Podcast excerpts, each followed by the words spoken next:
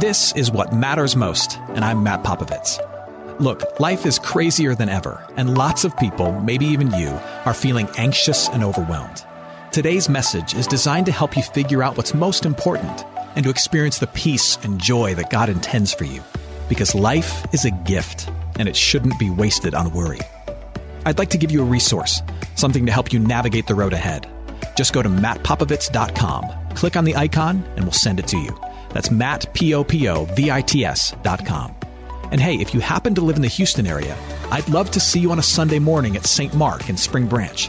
Head to stmarkhouston.org to plan your visit. Here's today's message. Thanks for listening. We have various callings as human beings. We have callings to our families, callings to our jobs, uh, but also callings to the city that we're a part of, the nation that we find ourselves in, and to the world at large. And, and what we're going to talk about tonight fits into that last category, our, our responsibility to the world at large. Uh, one of the things that, that several of you asked me to touch on was how people of faith view our care of creation. And that certainly falls under citizenship. And, and we could spend a lot of time talking about how to rightly care for the planet, how to care for creation, but I would be severely outside of my lane if we talked about that. Uh, my job is not to tell you whether to compost your trash or start wearing clothing only made out of hemp. That's not my job. Uh, my job is to tell you tonight that I believe, and Christians throughout the ages have believed, that there is um, a biblical mandate for people who follow Jesus to care deeply about creation and to, and to steward their lives in such a way that they leave the world God gave to us better than we found it in our particular generation. That there is a biblical mandate for that. And I, I want you to leave tonight convinced of this truth that it is impossible to claim that you are fully worshiping the Creator without deeply valuing His creation. It is impossible to make the claim that you are fully worshiping the Creator, at least attempting to, without having a deep value and appreciation for His creation. We're going to start tonight, no surprise, in the book of Genesis. Uh, Genesis chapter 2 and Genesis chapter 1. I'm going to highlight two verses for you. Genesis chapter 2, verse 15 says this The Lord God took man and put him in the Garden of Eden to work it and to keep it. Genesis chapter 1 verse 28, going back a little bit. And God blessed them and said to them, be fruitful and multiply and fill the earth and subdue it and have dominion. So when God created humanity, he gave humanity uh, a singular task, and that was to be the tenders, the caretakers uh, of the garden that he had created, but not just really the Garden of Eden, but, but the world in and of itself. We didn't make it. We don't own it. But from the first pages of his revelation, he puts us in charge of tending it and caring for it. And what you see in those, those two verses that I highlighted is that in the book of Genesis, that idea of, of tending to the garden has two aspects to it. There's an aspect of keeping, that was verse, chapter 2, verse 15, and an aspect of cultivating. Um, uh, you, you heard the word um, dominion in chapter 1, verse 28. Keeping and cultivating. The Hebrew word for, for keeping um, uh, means to protect and to watch over, to ensure its safety. It's the same word in Hebrew that's used to describe shepherds protecting their sheep from wolves. It's a word of, of protecting from bad. Um, that, that word to cultivate or to, uh, to exercise dominion over creation means that, that we exercise authority over this world as well, and we create and do stuff with it. We, we leave it better than we found it, and we maximize its potential. So you see that part of tending is to protect it and to maximize it. And, and if you have children, or if you ever have children, one of the things you'll discover is that the very same calling is given to parents that you are to protect that child, but then also cultivate that child. And that when we make mistakes as parents, we make a mistake because we typically have erred too far on one side or the other. We're all about protecting them and nurturing them, but we never challenge them. We never cultivate them. Because something in us thinks that challenging them or, or, or, or, helping them purposely to build and become something better than they are right now in their precious little innocent selves is somehow bad. Or on the other side, all we do is challenge them. And all we do is try to cultivate them. And we make life oppressive for them. And we break them down in our effort to build them up, right? And it's because we've failed as parents to hold in tension the need to keep and protect, nurture, and also to cultivate and to build. And, and I would suggest to you that, that when, we, when we fail in our calling to tend the garden of the world, so to speak, it is because, in the same way we often fail as parents, I speak for myself, it's because we have erred too, too, too far to one side over and against the other. We have erred too far to one side of cultivating, building, making something out of it. We pave over the mountains and put in a new parking lot, right? Or, in our effort to protect and nurture, we demonize our efforts to maximize creation as well. Both are bad. Both are the easy way out of the calling to tend the garden. And it may seem that God has set us up for struggle, and in some ways he has. Because he puts us in a position where our tendency is to want to cut the tension between keeping and cultivating. But the calling of the Christian citizen who understands that, that we are here as the tenders of the garden of the world that God has made is we understand that we have to live in that tension and do the really hard work of figuring out how do we do both? How do we not make this place worse, but how do we also make it the best place possible? And we refuse to take the easy way out and err too far to one side or the other. Are you following with me so far? Okay. So that's the calling that we have to be the tenders of the garden. Now, now the, the, question I ask when I study this and wrestle with this, and I'll be honest with you, this is the first sermon I've ever really preached about taking care of the planet, okay? In any capacity. Um, so I did a lot of kind of reading and wrestling and praying, um, in, uh, more so than usual over this particular message. We'll see if that pans out. Um, but the question you might be asking now is, okay, but why? Other than the practical reasons of taking care of this place benefits me because I get to live in a great place, um, what are, say, the theological and the philosophical reasons for embracing that call in my citizenship to actually care for how we, how we take care of this place and to live in that tension of how do we, how do we keep this city and how do we cultivate this city? How do we keep this world and cultivate this world? Why should I embrace that? And if you're here as a follower of Jesus, I want to give you three words. Three words. Revelation, grace, and glory. This is our reason for embracing this call revelation, grace, and glory. Uh, we'll start with, with revelation.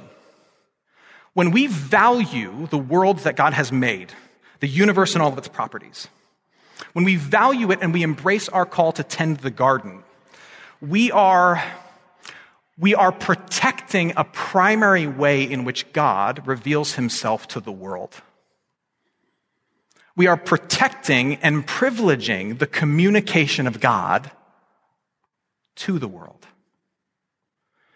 If you're here as a Christian, one of the things that we believe is that God not only exists, but that God speaks. That God not only is, but that God makes himself known. And throughout history, Christians have argued that God speaks in two primary ways, but we only tend to really focus on one. Uh, we tend to focus on the special revelation of God, and for good reason. The specific and special revelation of God is when he has spoken throughout history with great clarity and great specificity through prophets, through the scriptures, all of which point to Jesus and then as people of faith, we believe that Jesus is the ultimate revelation of who God is and what God thinks and what God is up to and how God feels about me. If you want to know God in detail, as Jesus himself said, come to me. We believe that Jesus is the specific and full revelation of who God is. And that in that special revelation, God speaks with great clarity and great detail. And rightly so, people of faith tend to spend almost all of their time in learning about God on the specific revelation. But there's also this idea that, that theologians have embraced since the very beginning that there is a general revelation of God that's available not simply to people of faith who believe what the prophets say, who read the scriptures, but it's available to everybody whether or not you believe or God, believe in God. And the general revelation is creation. It's the properties of this universe that are observable and testable and witnessed and, and, and noticed with awe by everybody. And in the general revelation of creation, God speaks. But the presence of that redwood will cause you to ask the question about who God is, whether or not he exists, who made this, why is it so beautiful if it came from nothing? The general revelation of God. So, so those moments where you've stood at the edge of the ocean and you have pondered your smallness, and you have thought to yourself, there must be someone bigger than all of this. That's God speaking and causing that question. When, when you have noticed the majesty of a mountain and it has caused you to wonder, who crafted all of this? That is God speaking. And he speaks even to those who ultimately do not believe. Because we all, whether you're a person of faith or not, we all have the shared experience of seeing something beautiful in creation that at the very least causes us to ask the question, is there something that put all of this into existence? And people of faith would say the presence of that question is evidence of God speaking. I hope you're enjoying today's message. For more of what matters most, you can head to mattpopovits.com. There you'll find other messages. You can support this ministry as well as access your free gift. Oh, and if you're looking for a local church and you live in Houston, come and see what's happening at St. Mark Houston. To plan your visit, head to stmarkhouston.org. Thanks for listening, and back to today's message. Creation tells us something about God. It tells us that He is, that He's big, that He's creative, that He's generous. That's what the revelation of God through creation tells us.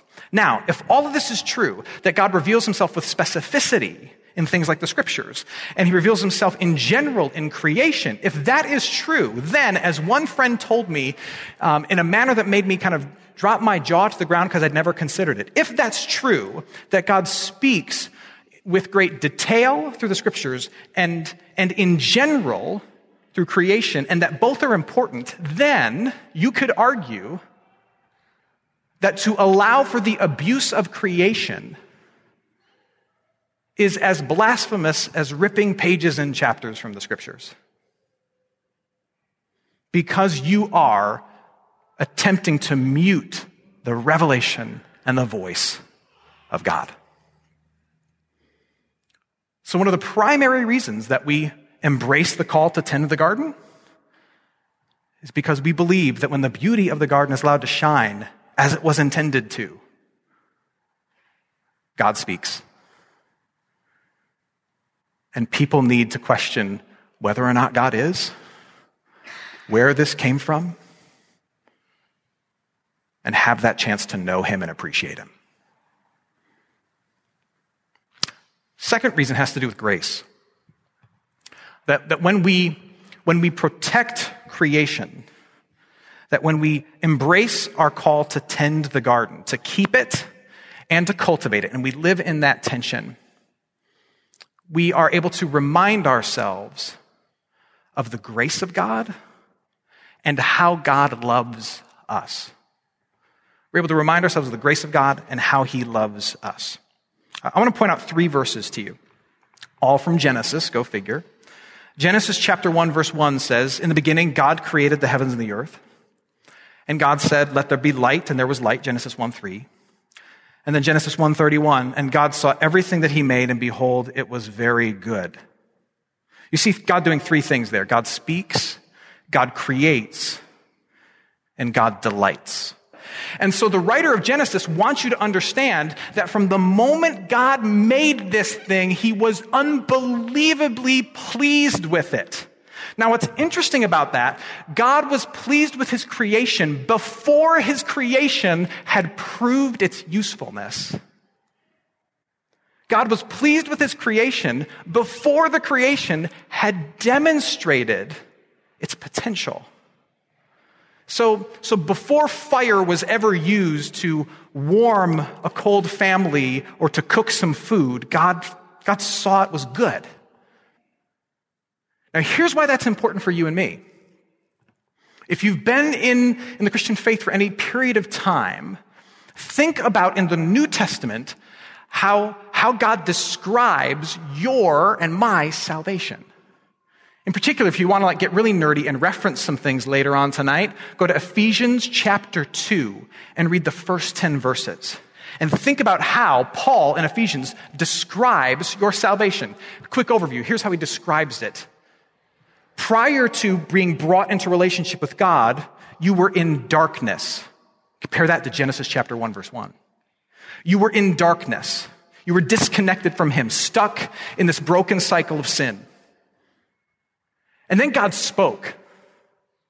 God spoke to you his word of law and then his word of gospel. His word of law convicted you of your brokenness. His word of gospel, of, of totally free forgiveness in Jesus Christ, of being accepted through who Christ is, not because of who you are. He spoke that word to you and he created something new in you. He created a dependence upon the work of Jesus Christ. And that dependence upon the work of Jesus Christ made you into a brand new person. So you were in darkness. God spoke. He created. He brought you to life. And guess what comes next? From the moment He brought you to life, He has called you what? Good. He has not waited for you to demonstrate your usefulness. He has not waited for you to prove your potential. He has not waited for you to do something amazing, but rather from the moment that he spoke life into you by preaching to you who his son Jesus Christ is, the moment he made you new, he was completely and utterly satisfied with you. God delights in the things that he brings to life with his words. And that includes you. But what creation tells us is that God loves you because he made you. God loves you because you're his. God loves you because he breathed life into you. Does he want, does he want to cultivate you into someone greater, someone with more compassion and more love, who looks a little bit more like Jesus? Of course he does. But he has loved you fully from the moment he breathed life into you through faith in Jesus. And he continues to love you and call you good, even if you never become that great. That is the rest and the freedom of the gospel. And that's what we are reminded of in creation when we cultivate it and we keep it. We are reminded of who God is and how He loves. That He loves fully the things that He's made, in spite of what they might become. Third word is glory. And when I say glory, I also kind of mean honor. Um, there are lots of ways to show honor to a person and to give them the glory that they deserve. And when you give someone glory, you are, you are showing them love in a manner that affects them and is felt by them deeply. That's part of what God is getting at when he talks about our stewardship of creation. Like he loves the world that he's made. He made that clear. First chapter of the Bible. He calls it good seven times. We know how he feels about it. So part of loving God is loving what he loves, the way that he loves it, right? So as people of faith, we are, we are to be consumed with loving the things that God loves. So like, um, we are told that God loves sinners. So, so we as a community of faith, we have to be a place where it's easy for people who know that they're not perfect to walk in and feel comfortable. Because, by the way, that's the only type of person that there is. We know that God loves the weak and the vulnerable, those who are easily exploited. So we have to be a church um, that, that tries to be a place where, where the weak and the vulnerable are easily exploited, are not exploited, but are protected and cared for. And also because we know how God feels about creation and, and He's made us tenders of the garden of this world. If He loves it, we're called to be mindful of it and we're called to love it, which is why it blows my mind the fact that, that one of the most least likely groups in the country to recycle is self proclaimed evangelical Christians. Did you know that? That's, that's just mind blowing to me. Like you can like study the book of Genesis and then take your Chick-fil-A wrapper and throw it out the window. Like I do not understand that at all. We're called to love the things that he loves. Now, when it comes to how we do that, like I said at the beginning, I am not here uh, to tell you that you should compost in your apartment because that stinks, quite literally, um, or that you should wear clothing only made out of hemp, or that you even have to believe that humans are the cause of global warming. You don't have to believe that, but here's what I do know. This is me in my lane. I know that apathy towards creation is a sin. That's what I know because it is a refusal to love something that God loves. And it is a rejection of something he has put at, at the heart of Christian citizenship in the world, which is to tend the garden. Revelation, grace, and glory. These are the reasons why we care. Now, when it comes to the question of what kind of practices should people of faith adopt when it comes to being caretakers of the garden, what kind of policies should we advocate in the public square, again, that is not my job. That is your job in your citizenship as a member of the city is to figure that out, to press your faith into the corner of your political activism and, and, and the people that you vote for and to figure that out. I can't resolve that tension for you. That would be a sin on my part. My job is to remind all of us that we're called to care because of revelation, grace, and glory. That's my job. But I'll close with this. In talking about all of this, uh, I was reminded of some words that the prophet Jeremiah spoke to uh, God's people in Israel. Daniel read them earlier. We are in a place that we don't want to be. What does faithfulness look like when I can't go to my church and I can't go to my job and I can't say hi to my friends? What does faithfulness look like when I got nothing left? And listen to what God says through Jeremiah. Thus says the Lord of hosts, the God of Israel, to all the exiles whom I have sent into exile from Jerusalem to Babylon. This is, this is just like fascinating to me. Build houses and live in them. Plant gardens and eat their produce. Take wives and have sons and daughters. Take wives for your sons and give your daughters in marriage that they may bear sons and daughters. Multiply there and do not decrease. Now, this is the line that just I think is so beautiful but seek the welfare of the city where I have sent you into exile and pray to the Lord on its behalf. For in its welfare, you will find your welfare. When the place that I've planted you is doing okay, guess what? You're doing okay. What God is saying is that there is one calling that you can always live out no matter what he puts you through or where he places you. And that's the calling to try and love and bless, to keep and cultivate the place where you are. To try and tend your corner of the garden that God has put you in. And to let your presence make it better to let that corner of the garden be better by virtue of your presence. And what God is saying is when you do that, you will help the world hear my voice through the beauty that you create.